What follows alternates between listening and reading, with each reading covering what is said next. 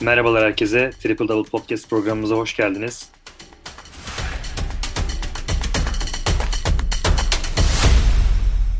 Merhaba Mustafa. Merhaba Ahmet. Bu bölümde Mustafa ile birlikte NBA tarihinde adından söz ettirmiş kadrolardan birini konuşacağız. Birçok basketbolcunun ilk şampiyonluğunu elde ettiği çok değerli isimlerin yer aldığı bir kadro. Miami Heat'in 2015-2016 kadrosunu konuşmayı seçtik bugün. Finallerde geriye düşmesine rağmen Dallas'ı elemeyi başarmış çok değerli bir kadroydu Miami'nin bu kadrosu. Neler düşünüyorsun Mustafa?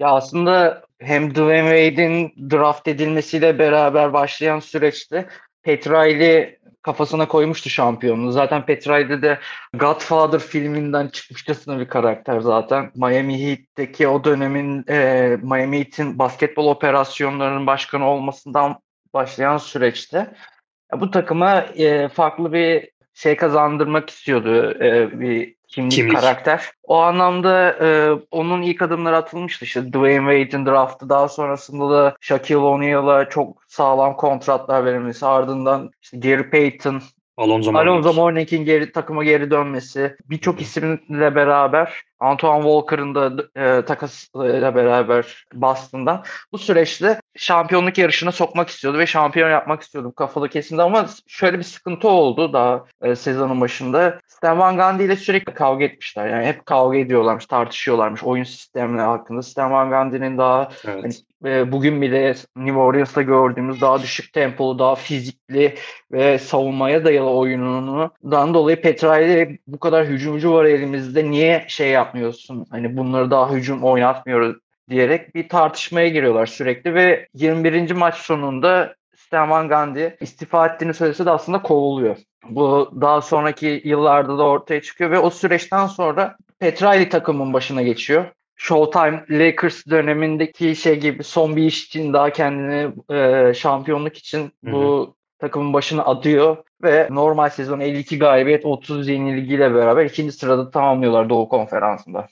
Evet yani çok e, keyif veren bir takımdı o zamanlar. Normal sezonda 52 galibiyet 30 yenilgiyle Doğu Konferansı'nda ikinci sırada tamamlamışlardı. Ardından Chicago Bulls'u 4-2 ile e, New Jersey Nets'i 4-1 ile Detroit Pistons'ı da 4-2 yenerek finale çıkmışlardı. Finalde de, de 2-0 geriye düşmelerine rağmen Dallas Mavericks'i 4-2 ile geçip şampiyon olmuşlardı. Tabii o sene e, kısmet olmadı Nowitzki'ye şampiyonluk. Ama sonrasında 2011'de e, şampiyonluk diyecekti Dirk ve e, takım arkadaşları. Fakat Miami'nin bu kadrosu gerçekten e, çok geniş ve iyi bir kadro. Çok değerli isimler var. Hani e, Udonis Haslam'dan tut e, Gary Payton'a, Alonzo Mourning'e çok iyi yan parçalar var. Çok değerli isimler var gerçekten ve Jason Williams gibi bir street e, basketbolcusu da var. Jason Williams hakkında neler demek istersin? Sacramento'dan ayrıldıktan sonra biraz kariyeri çalkantıya girmişti. Çünkü dediğim gibi biraz işin şovuna kaçtığından dolayı Hı-hı. şey de yapamıyordu özellikle. Çok top eziyordu. Çok e, takımları sürekli e, boş hücumdan dönüyordu ve verimsiz kullanması sebebiyle bir de üçlüğünün de düşmesiyle beraber, üçlük oranının düşmesiyle beraber sonraki süreçte Miami'de şans buluyor ve e, çok sevdiği arkadaş Shaquille O'Neal'la bir araya geliyorlar. Ama şöyle bir durum var. E, Jason Williams'ın e, yedeği olarak da Gary Payton yani kariyerinin son dönemindeki Gary Payton oluyor ama ikisi de çok birbirine zıt oyuncular baktığımız zaman. Gary Payton Kesinlikle. çok daha savunmacı bir, bir oyuncuyken Jason Williamson fiziksel olarak çok savunmacı olmasa da hücumdaki o e, pas opsiyonlarını yaratma konusunda bir şey vardı, rolü vardı. Ama baktığımız zaman takımda zaten hani işte Gary Payton, Alonzo Mourning, James Posey gibi savunmacı oyuncular varken işte Antoine Walker gibi, Dwayne Wade, Shaq gibi e, hücumcu oyuncular var mesela. Çok hani değişik bir yapılanma. Zaten hani geçtiğimiz sezonki Miami'nin e, Lakers'la final oynadığında da kadrosu biraz da böyleydi. Yani bir kısmı çok savunmacı oyuncular, bir kısmı hücumcu oyuncular. O dönemde de bu varmış. Aslında biraz da Petrali'nin herhalde bu iki farklı roldeki oyuncuları bir araya kaynatıp şampiyon yapma hikayesini ilk başlangıç noktası olarak görmek mümkün diyebiliriz aslında evet, bur- buraya da. parçalarını tamamlamak gibi sanki.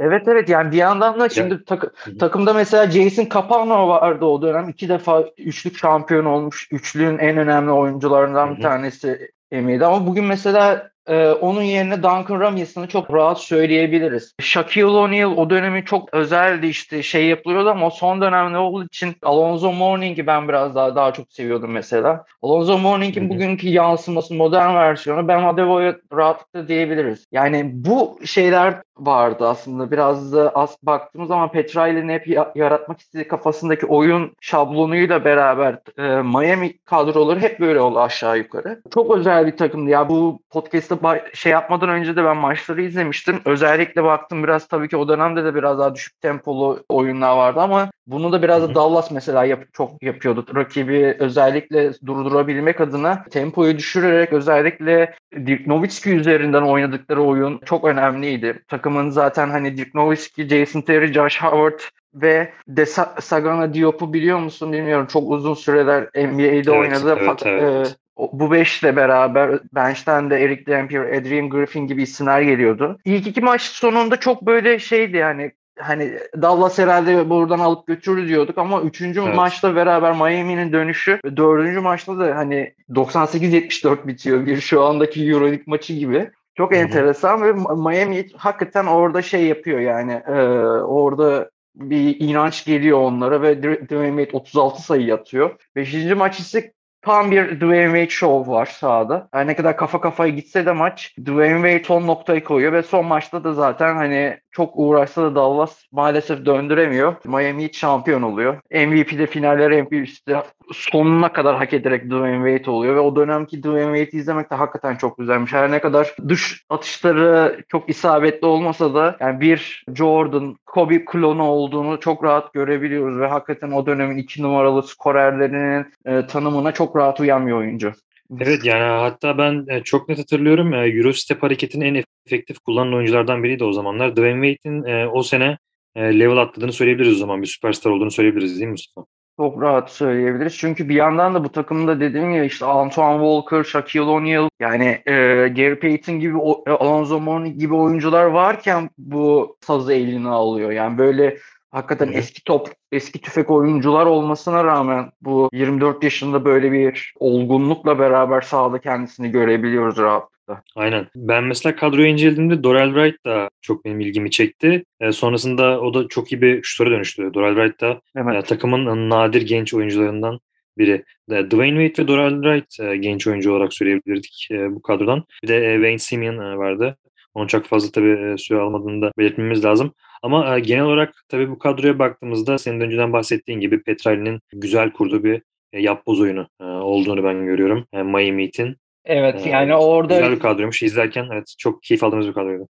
Ben zaten şeyde baktım özellikle Eric Spoelstra'da da üçüncü video analistiymiş. Yani bir maçta neler evet. şey yapılacağını oyuncuları izletirken bir anda Petrali'nin en güvendiği ve bugünkü günümüzde de en önemli modern oyunun, modern basketbolun en önemli koçlarından birisi olan Eric Spoelstra'nın da ilk asistan koç olarak yaşadığı ilk şampiyonluk ve bu şampiyonlukla da beraber zaten kendisi de çok pişmeye başladı ve kendisini geliştirmeye başladı sezon başında çalkantılı bir şekilde başlayan çok birbirinden bağımsız oyuncu grubu sahada varken yani Petra ile hakikaten basketbolun ne kadar özel bir insan olduğunu gösteriyor. Yani normalde baktığım zaman evet güzel bir kadro gözüküyor ama birbirinden çok uyumsuz oyuncular ve yani baktığım zaman aslında o dönem çok e, Antoine Walker inanılmaz derecede şey yapılıyordu. Yani eleştiriliyordu savunma yapmıyor diye. Jason Williams'ın o Memphis'teki vurdum duymaz hallerinden sonra Miami'de kendisini kanıtlaması gerekiyordu. Onu kulağını çekti.